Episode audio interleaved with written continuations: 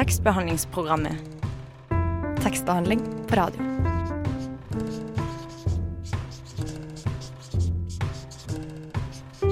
Tekstbehandlingsprogrammet.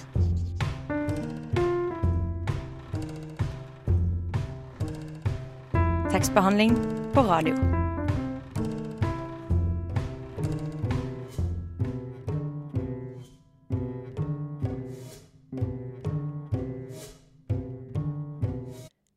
Velkommen til tekstbehandlingsprogrammet på Radio Nova.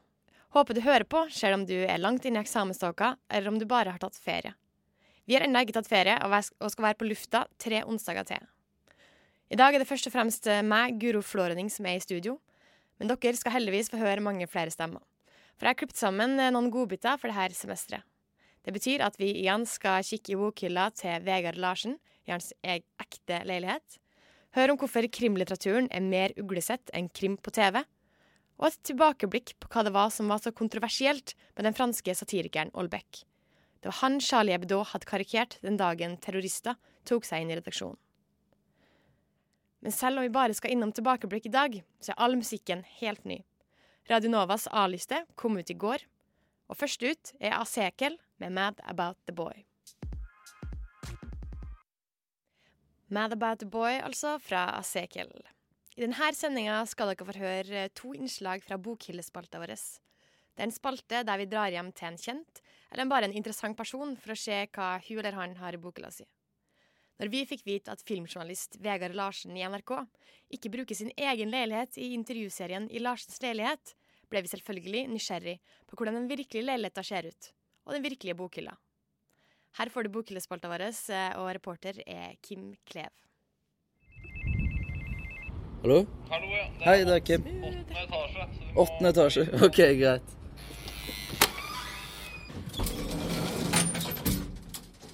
Right, åttende etasje. Heisen går faktisk ikke så høyt opp engang.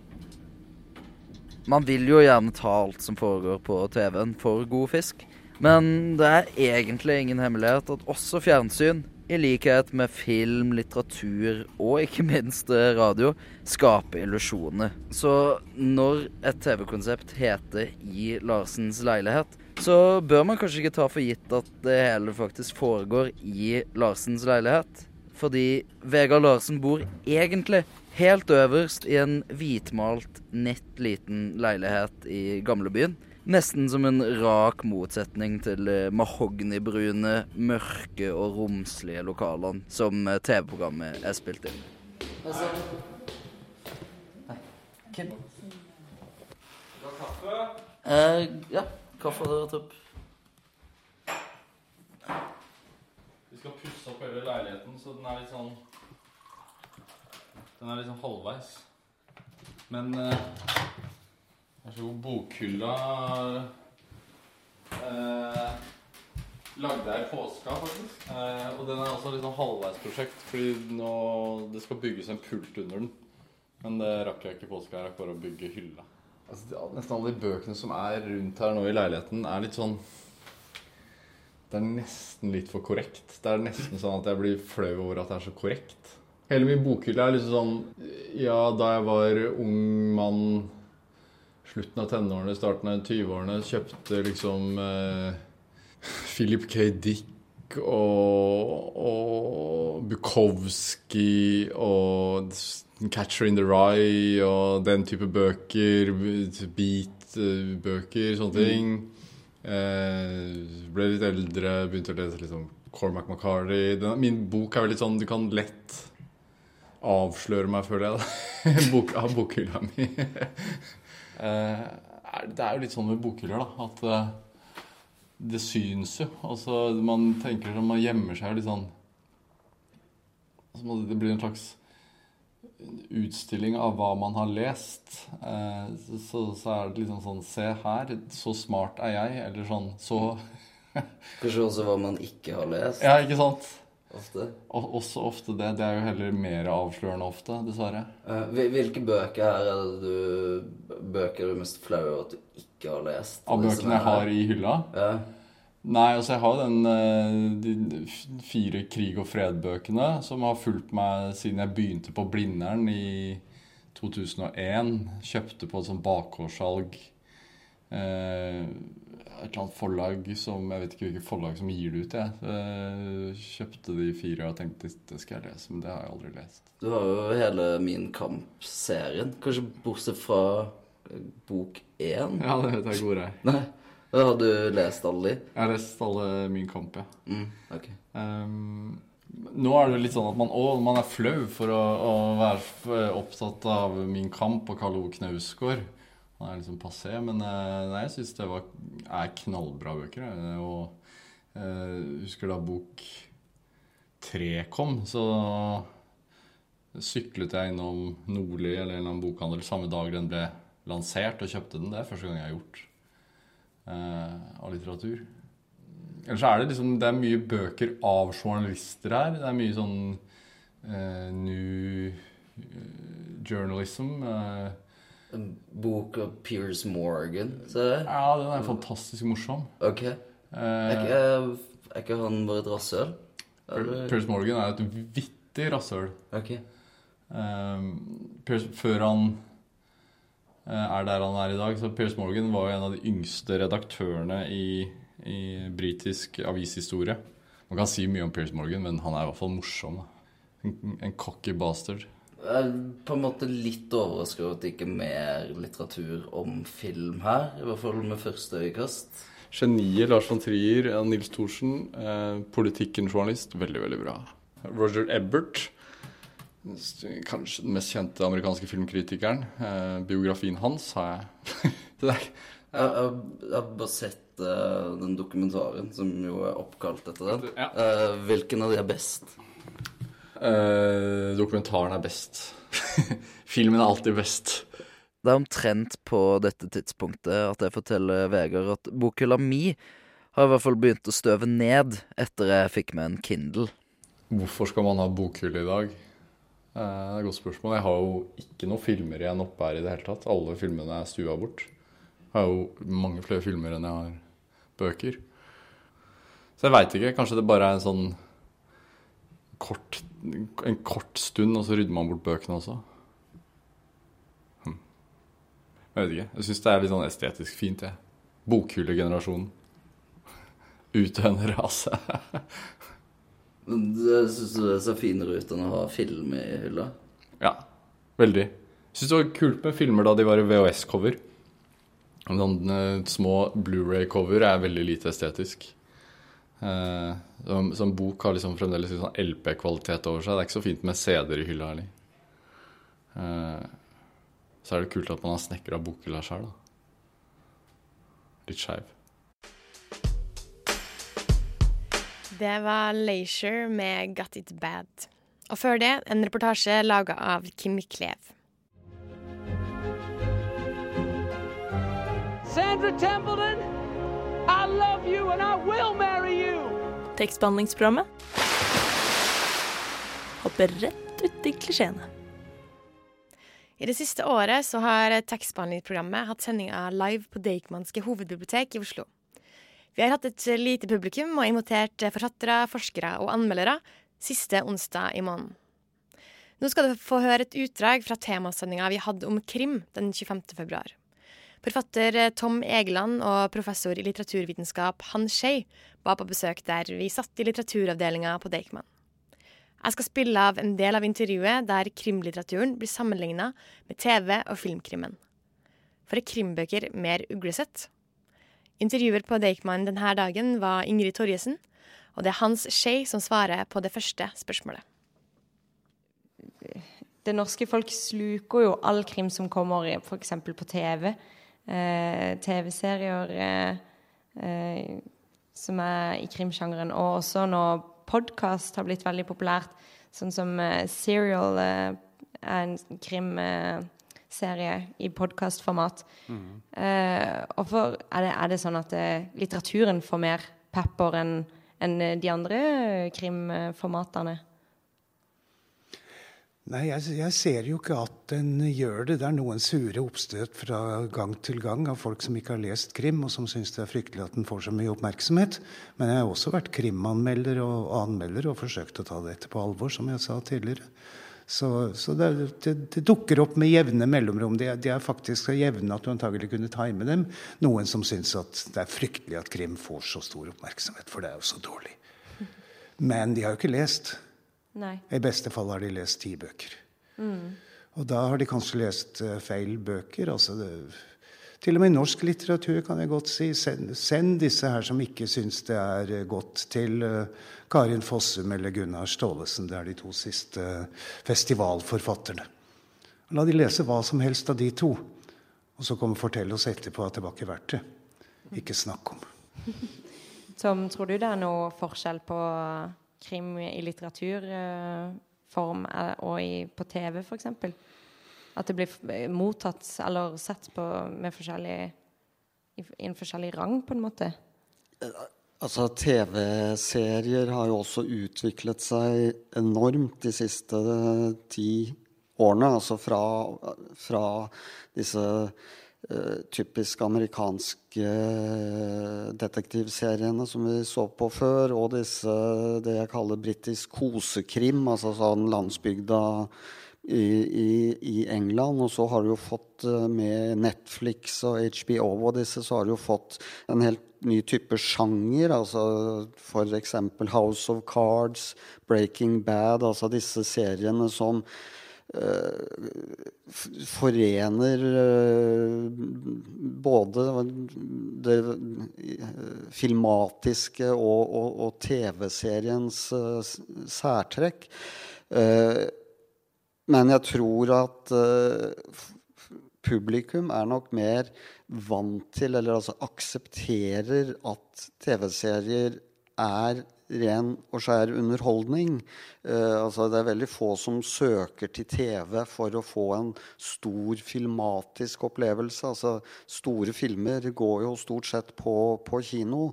Og det er klart at uh, innenfor litteraturen så er det vel sånn at uh, enhver krimdebutant blir jo på en måte målt opp mot altså Dostojevskij og forbrytelse og straff. Og da, da, da, du klarer jo aldri å nå opp til disse store mesterne, mens TV-regissørene nok neppe blir sammenlignet med Bergman. Ja. Fra den splitter nye A-lista fikk du Hånd med Coastal Love. I forrige innslag hørte du Tom Egeland i samtale med Hans Skei, intervjua av Ingrid Torjesen. I etterkant av terrorangrepet mot Charlie Hebdo i Frankrike 7.1 i år fikk en fransk forfatter mer oppmerksomhet internasjonalt, nemlig Michel Olbeck. Oversetteren til hans nye bok, Tom Lotterington, var på besøk i tekstbehandlingsprogrammet. I studio denne gangen var meg, Guro Florening og Kim Klev. Tekstbehandlingsprogrammet når du vil lese med øra.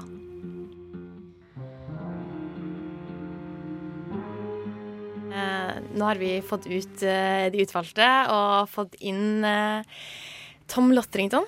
Eh, velkommen til tekstbehandlingsprogrammet. Takk for det. Eh, du holder nå på å oversette boka 'Underkastelse' eh, av den franske forfatteren Michel Olbeck. Eh, og For dere lyttere som ikke husker hvem eh, Olbeck er, så er det den forfatteren som ga ut bok den samme dagen som terrorangrepet på Charlie Hebdo. Og Han fikk derfor ganske mye oppmerksomhet, eh, fordi at boka bl.a. handler om religion, og fordi at Olbeck var karikert på forsida til Hebdo den dagen. Men først og fremst, hvem er Michel Olbeck? Han er kanskje den mest oversett leste og leste forfatt, franske forfattere for tiden, som altså oversettes til alle uh, kulturspråk, også norsk, og, og leses av store lesegrupper. En skandaløs forfatter på mange måter. Ja, På hvilken måte da? Ja, på den måten at han er eh, motstrøms på Han er ikke politisk korrekt. Han er eh, antifeminist. Han er kanskje reaksjonær. Han uh, mener sterke ting om islam og ja, om samfunnsutviklingen. Ja, det kommer kanskje tydelig frem i underkastelse, eller som den potensielt skal hete, da. Som uh, så, vidt jeg har forstått uh, handler om at um, en, en, muslimsk president At det blir en muslimsk president i, i Frankrike i 2022. Um, leser du den som en kritikk mot islam? Ja, For det første så leser jeg den ikke som en profeti.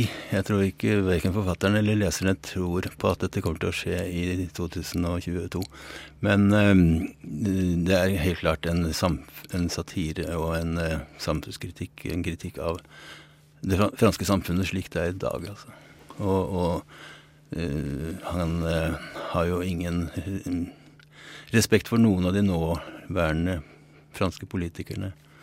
Uh, han nevner dem ved navn. De er altså fortsatt virksomme om syv år når det nettet skal skje i boken. Og, de er noen knehøner alle sammen og har ingen, ingen, krefter å stå imot det islamske bølgen som kommer innover valget og, vinner presidentvalget først, og så danner regjering i Frankrike. En muslimsk, uh, republikansk regjering. Det er noen som har sagt at de har vært redd for at uh, en sånn her bok kan forsterke frykten uh, for uh, muslimer. og i Norge er jo en sånn eller frykt for snikislamisering, da, som blir så populært kalt her. tenker du at denne boka kan skape frykt? Ikke hvis man leser den, tror jeg. Men kanskje hvis man, bare, hvis man, leser om den.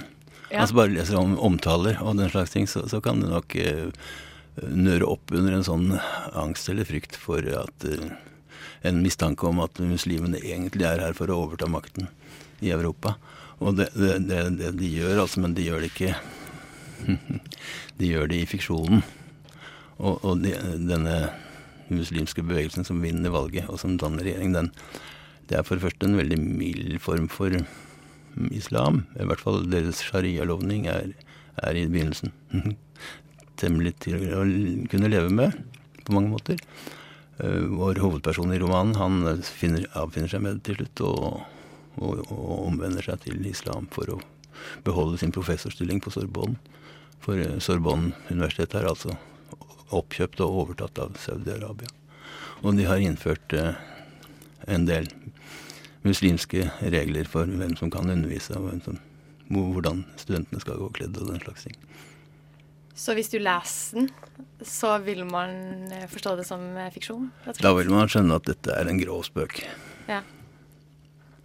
Og en satire. Og alvorlig ment, for så vidt, men, men ikke alvorlig ment som en fremtids- eller sånn dystopi. Altså, jeg tror ikke jeg tror ikke forfatteren et øyeblikk har tenkt at sånn kommer det til å gå om fem, seks, syv år her i landet. Men alle disse ekstreme synspunktene som folk eh, leser i Holbergs romaner. Um, er det noe du på noe tidspunkt har lest i ham? Uh, har du ja. Ja, ja. det er veldig vanskelig å vite hvor han selv står i forhold til dette. Han, han lager jo en, eller han dikter opp en hovedperson her som forteller historien i, i jeg-form, og som sikkert har veldig mye til felles med sin forfatter på mange måter. Men han er enda mer altså Han er en desillusjonert uh, middelaldrende ungkar som aldri har fått uh, til et varig forhold. Enda han er svært opptatt av kvinner på den måten. da. Uh, bare ikke flink til å holde på dem. Eller altså Han er Det er jo det typiske for den misogyne, kanskje, at han tar det beste ut av dem og ikke vil ha resten. Mm.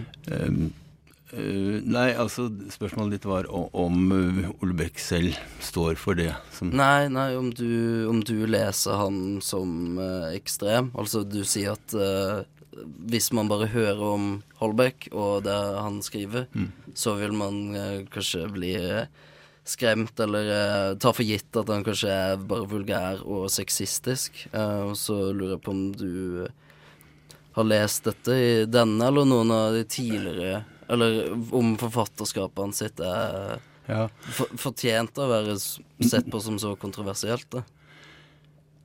Altså, han, han, sier sannheten slik han ser det, og, og, og på en kynisk måte og uten omsvøp, og, og det kan jo virke og, han mener, mener, mange av disse tingene som kan sjokkere en sosialdemokrat. Men Men akkurat hvor han står selv altså Han er, han er egentlig fortvilet over denne samfunnsutviklingen som han beskriver. Og, og han eh, han, eh, han er jo en ateist som egentlig beklager at, at, at samfunnet er blitt gudløst. Mm. Han mener etter alt å dømme at religionen er nyttig. Altså et samfunn eller en kultur kan ikke bestå uten religion, ser det ut til at han mener. Og hvis, den da, hvis det da går så langt som det har gjort i Frankrike, så er det ingen sak for en sterk religiøs bevegelse å overta makten, faktisk. Så det, er en av tesene, da. Men øh, ja. Hva er, tenker egentlig du om forfatterskapet til Olbeck? Ja, jeg har forandret mening om det forfatterskapet nå for bare noen få uker siden. For inntil da så hadde jeg sterke motforestillinger mot hele greia. Før du fikk oppdrag om å Ja, faktisk. Det er ja. sånn det har seg. Men eh, for nesten 20 år siden, i 98, så leste jeg den boken som ble hans gjennombruddsroman, som heter på norsk 'Grunnleggende bestanddeler'. Og og tenkte at dette var en motbydelig bok som jeg ikke vil ha noe vil i hvert fall ikke anbefale for noe forlag å utgi. Så ble jeg reddet av en slags gong-gong, da, fordi det var et annet forlag som tok den boken allikevel, så jeg slapp å, å, å, refusere den. Jeg er veldig glad for det i dag. Men øh, denne boken som jeg da mislikte sterkt for 15-16-17 år siden, tok jeg opp igjen nå og fant at faktisk er en veldig rik og spennende og interessant bok. Uh, så den boken har jo egentlig ikke forandret seg, men det må jeg ha gjort, da. Og, og, og den, eh, den, underkastelse som jeg holder på med nå, den, eh, det er også en fascinerende bok på mange måter, selv om den kanskje er litt lettere i, i sjangeren. Men Hva som gjør at du leste, leste den annerledes nå enn før?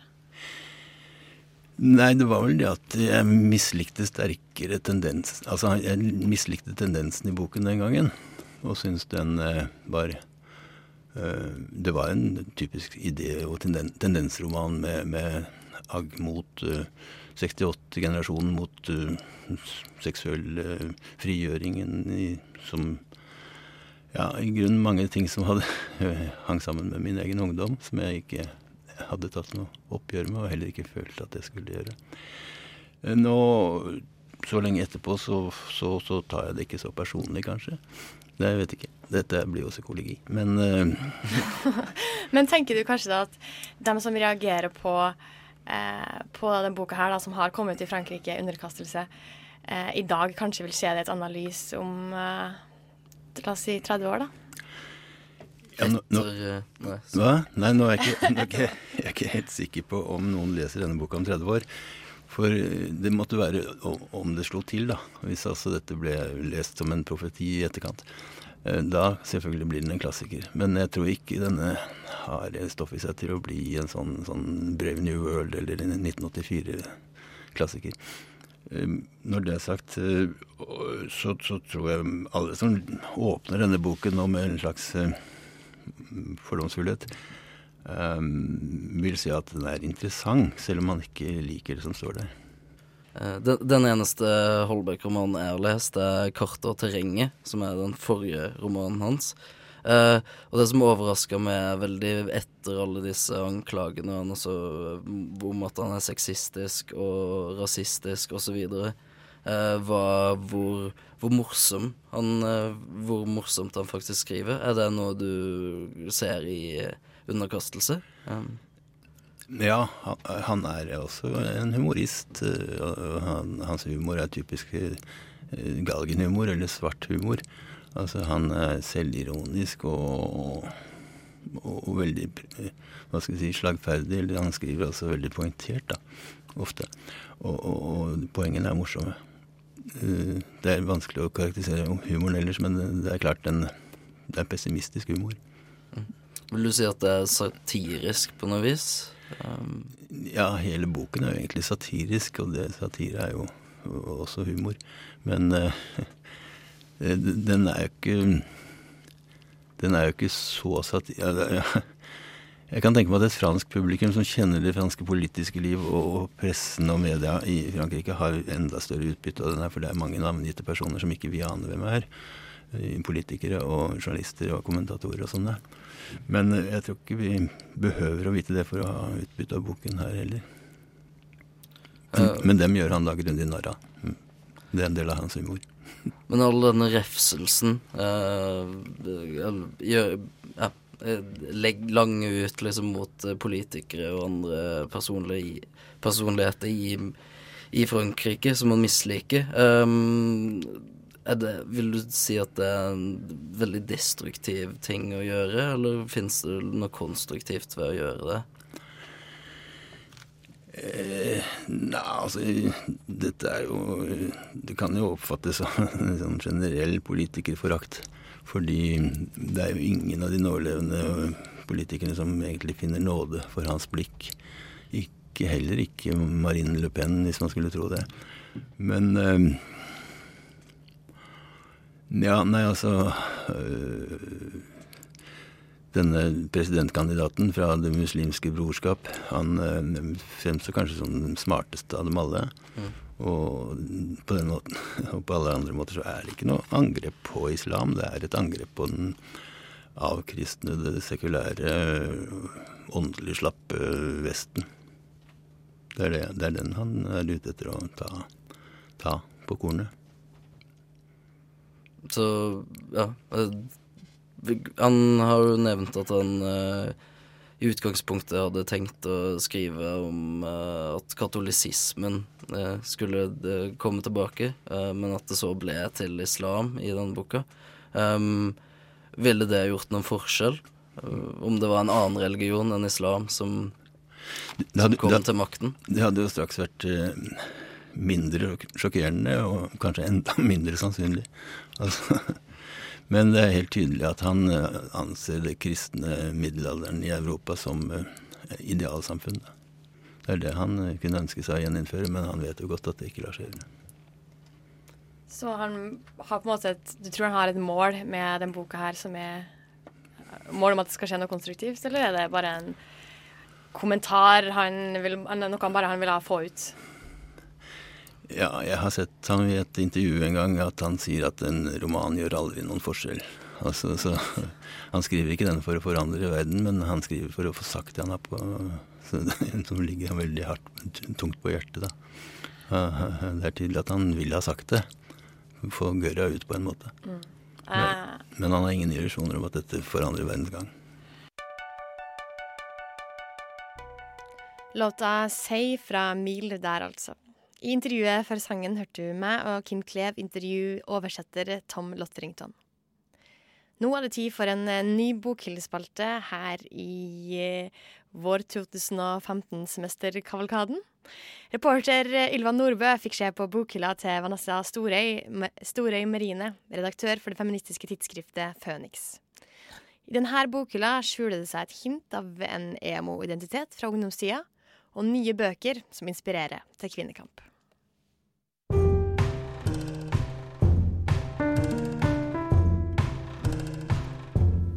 Gerd Brantenberg var jo Hun har på en måte vært med og starta masse sånne kvinne, Ikke kvinnebevegelser, men hun var med på noen sånn Sanitetskvinnene og skrev liksom om om homofili på 70-tallet. Og bare, Hvem er dette?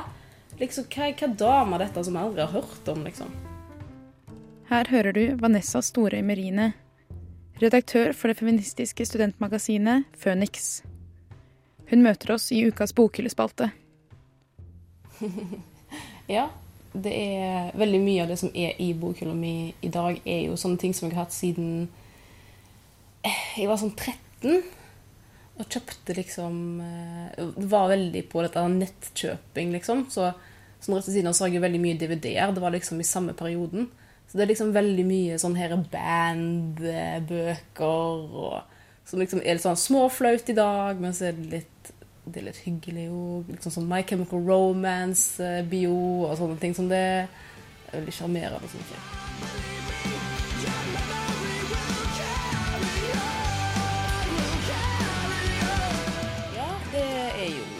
Sånn her eh, For eksempel Everybody Hurts, som er en sånn her eh, slags samling av på en måte emo-kultur. Som jeg husker jeg fikk til bursdagen min når jeg ble 13 år. Og det var fordi jeg ønska meg den, så jeg kan ikke klage på sånne ting. Men igjen, jeg synes det det er veldig gøy da, å ha sånne ting oppe, for det er på en måte en litt sånn tidslinje på hva jeg har vært interessert i når jeg har vokst opp. Og så er det liksom litt sånn Ja. Jeg synes det er veldig søtt å kunne ta fram igjen og bare se i hvilken tilstand og hva jeg tenkte på på den tida. I en ryddig bokhylle finner vi en del bøker fra Vanessas ungdomstid. Her finnes annet bøker om My Chemical Romance og emokultur fra hennes emo-periode da hun var rundt 13 år. I dag er en av favorittforfatterne hennes Mo Haider. Mo Heider har jeg jo lest noe av nå, og det syns jeg er veldig, veldig bra. Og det er jo veldig gøy at det er en kvinnelig krimforfatter, da. Som skriver veldig mange eh, bøker som er ganske røffe, og som er veldig liksom, grafiske, egentlig. Som kanskje på en måte skal være litt At det er litt unormalt, kanskje for eh, Om det skal være for kvinnelige forfattere. Men eh, veldig, veldig godt skrevet. Oi, favorittbok um, Av det jeg har i hylla nå, så tror jeg kanskje det må være La den rette komme inn, muligens. Bare fordi eh, det faktisk Jeg har litt problemer med å bli ferdig med bøker. Jeg er veldig sånn jeg starter, og så leser jeg til jeg har en femtedel igjen, og så gir jeg opp. Av en eller annen merkelig grunn. Men eh, den var veldig, eh, var veldig godt skrevet, og veldig, veldig sånn interessant tematikk. Vanessa hadde fått flere fine og brennende aktuelle bøker til jul. Deriblant Egalias døtre og Bak lukkede dører, som er med på å inspirere den feministiske Phoenix-redaktøren. Ja. ehm, jeg har nylig begynt på Egalias døtre.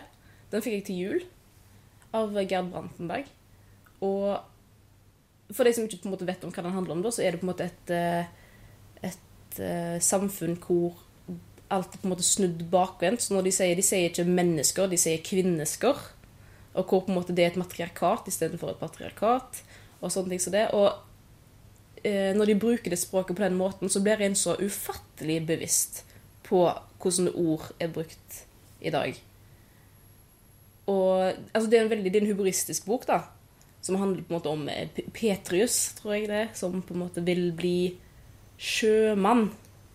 Og så er det han på en måte ei søster og ei mor, og så mor er høyt oppe, og så ler de av han da, for liksom Å, sjømann. Ja, tenk for deg liksom postmann. For det heter jo sjøkvinne og postkvinne. Og, og at en bare blir så sykt bevisst på hva ord har å si når det er satt i den konteksten. Når på en måte en snur alt på hodet, og bare at hele kjønnsrollen er på en måte forandra. Og jeg gleder meg veldig til å på en måte komme meg gjennom den igjen. Men det er mange ord som de bytter ut som jeg ikke forstår hva betyr, og så må jeg på en måte tenke meg om. For jeg bare, ok, Kvinneske Med en gang en hører det eller leser det, så betyr det ikke at en vet hva det er. For, å ja, så og menn, menn kvinner, Ok, ja. Kvinneske. Jeg skjønner. Og det er så lett introduksjon på en måte til, til et kjønna samfunn. Det er så enkelt på en måte å begynne. Det er ikke noe sånn tungt fagstoff. Det er på en måte en humoristisk sånn, sat- det er en satirebok. Som bare er så lett for alle å kunne lese, egentlig. Det er så tydelig samfunnskritisk eh, at det er Og det er fortsatt relevant. Den er skrevet på, i 70-tallet, ja, 72, må tro, eller noe sånt. Og den er fortsatt brennende aktuell.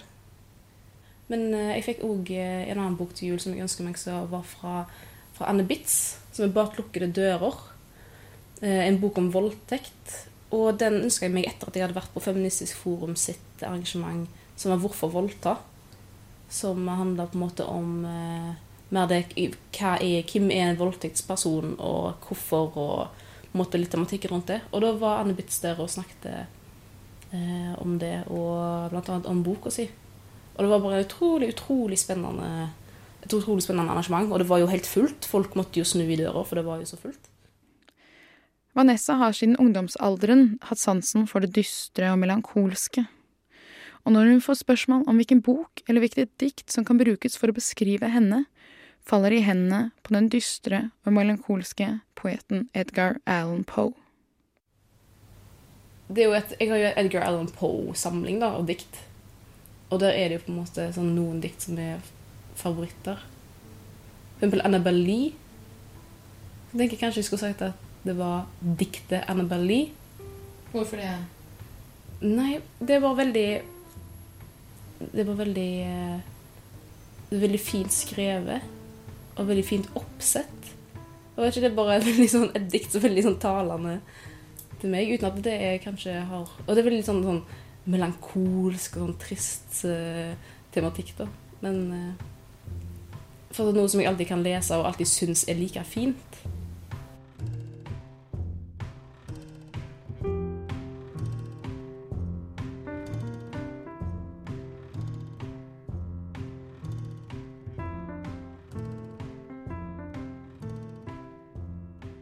Nok en A-listelåt fra Nao med Apple Cherry. Før det Ylva Nordbøs intervju med redaktør av det, det feministiske tidsskriftet Phoenix, Vanessa Storøy Merine. Nå har vi kommet til det siste tilbakeblikket i den sendinga her, og da skal jeg spille noe for dere som egentlig etter forrige semester. Eh, Når jeg var helt på tampen av forrige semester, eh, mot jul, så hadde vi besøk av eh, Svein Østli, bedre kjent som Chartersvein. Han var her i tekstbehandlingsprogrammet, for han hadde gitt ut ei diktsamling som heter Sveins verden. Nå skal dere få høre et klipp der han forteller om hvordan den skjulte forfatterdrømmen ble virkelighet med litt for mye vin i Portugal. Det var Marie Vallestad som var i studio denne desemberdagen. Velkommen tilbake til eh, tekstbehandlingsprogrammet. Vi sitter her med besøk av Svein Østvik i studio. Eh, og Svein, du, i dag er du her som dikter-Svein, og ikke som charter-Svein, ikke sant? Ja, det er fint. Eh, Takk, takk for det. Eh, og du har skrevet en diktsamling. Ja. Hvordan ble denne diktsamlingen til? Eh, ja, det er, eh, det er faktisk et godt spørsmål, men eh, for det er jo nesten like overraskende for meg som det sikkert er for en del lyttere, holdt jeg på å si, at jeg har skrevet diktsamling. Men, men eh, for det første har jeg jo egentlig drevet og sysla med skriving i egentlig mange år. Jeg jobba jo på Dikemark sykehus eh, på 80-tallet, og da opplevde jeg mye sterke ting ved å jobbe der, og begynte så vidt å notere litt ned og liksom sette litt ord på ting. og Kanskje også ble veldig nysgjerrig på meg sjøl og mine egne reaksjonsmønstre og psykologiske mønstre. Så, så. Men så går det mange år, sant? det blir mye annet. Og så, så er det egentlig bare det at eh, jeg ble venn med en på Facebook som heter Geir eh, Felling Andersen. Eh, møtte han en gang angående noe TV-greier, og så, eh, etter en stund så, som vi hadde hatt litt kontakt, så hadde han fulgt med litt på hva jeg skrev på Facebook. Og så plutselig bare sier han du skriver jo dikt òg, altså, du liker å skrive dikt, så har du noe dikt, liksom? Så vil han høre på dem. Og da ble jo jeg litt ja, ja. For han, han er jo litt forfatter sjøl og, har jo starta et forlag uten at jeg egentlig visste det. Så hadde han et forlag som het Preg og Mobile. Så jeg kommer inn og skal lese for han, og så leser jeg selvfølgelig noe av det beste jeg følte jeg hadde, da. og så, og så merka jeg jo egentlig da, eh, på stillheten som ble når jeg leste, at eh, jøss, dette liker dem. Og så sier han bare, han og en, en, en, en som han jobber sammen med, sa Svein, dette her, dette, dette har jeg lyst til å gi ut, jeg. Så det var egentlig sånn det starta. Og så, sier, så spør han meg hvordan starta det, akkurat som dere spør nå. Så sier jeg nei, det starta egentlig for 20-25 år siden med at jeg sitter eh, hjemme hos meg sjøl og tenker at eh, drømmen min var å sitte i, når jeg blir eldre, sitte i Portugal på en veranda og skrive dikt med et glass vin. Da så jeg for meg sjøl liksom, med langt, eh, kanskje grått hår, da. Hestehale, eller hva søren. Og så, så, så sier han OK. Så tar han opp telefonen, så ringer han til Portugal. Og i løpet av fem minutter så har han ordna meg et hus i Portugal. Som han sa, dette kan du bruke så mye du vil til å skrive dikta dine ferdig. Og så har jeg vært i Portugal, og det var der jeg skrev jeg 20, 20 av de tingene jeg har gitt ut, skrev jeg på tre dager. Så, helt, så var, eh, den drømmen hadde på en måte lagra seg, og, og var jo bare egentlig å sette i gang når jeg kom dit. Og jeg fikk også vin der, så det var helt fantastisk. Ja, for den nevnte du på OPS, husker jeg. Denne vinen. Ja. At det var en del av den drømmen var å sitte på en balkong med et glass vin Ja. Og en skrivemaskin. Skrivemaskin sånn gammeldags. Eh, på en balkong i Portugal. Og Ja. dette skriver du om i reiseskildringene i boka di også. Helt korrekt. Var det sånn som du forestilte deg? Altså Det var egentlig vakrere, da, for at jeg var i fjellene. Så sånn, sånn naturmessig så var det helt fantastisk, men vi hadde dårlig vær. Så jeg, for, jeg tror hvis det hadde, hvis, for det var så fint at, eh, at jeg kunne, kunne risikert å blitt ukonsentrert. Men det var egentlig ikke helt likt. Men det var Portugal, og jeg møtte en tjener som het Manuel. Og han kom da med den femliterskanna med vin. Og så sa han 'You are the poet, Mr. Swine. You are the poet', sa han. 'Here is the wine'. så skal jeg si, ja. Det er klart det ble, det ble som drømmen ble oppfylt, selv om det var litt annerledes. Det var 25-30 år siden jeg hadde drømt det, så Eller jeg hadde ikke drømt det, jeg hadde, hadde det mer sånn bevisst i tanken at det var en drøm å, å kunne gjøre det. Mm. Så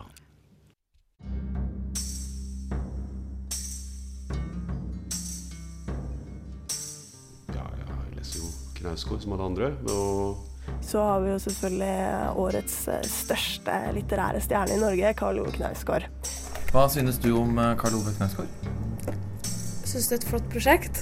Jeg hadde tenkt til å love at vi ikke skulle nevne Karl Ove Knausgård. Ja, ja, jeg leser jo Knausgård som alle andre. Karl Ove Knausgård. Tekstbehandlingsprogrammet gir deg noe nytt å prate om.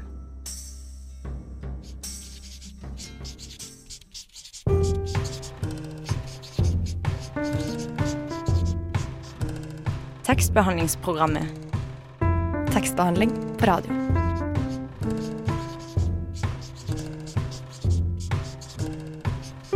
Tekstbehandlingsprogrammet.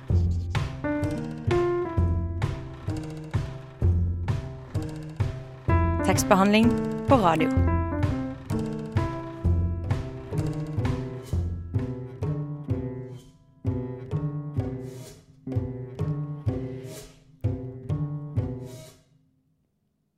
Er vi ved veis ende her i tekstbehandlingsprogrammet på Radio Nova. Vi er selvfølgelig tilbake igjen eh, neste uke eh, klokka ti. Eh, du kan også høre oss eh, i reprise, og du kan høre oss på radio, radionova.no slash tekstbehandlingsprogrammet. Der er det en reprisespiller. Og vi er også på Soundcloud, så bare søk eh, på tekstbehandlingsprogrammet. Jeg heter Guro Flårening, og tekniker her i dag har vært eh, Snorre Wiggen. Tusen takk for oss. Hallo, Chartersveien her. Jeg passer jaggu meg inn i tekstbehandlingsprogrammet også. Jeg syns at døra bør stå på gløtt. Tekstbehandlingsprogrammet holder døra oppe for alle. Lar du døra di være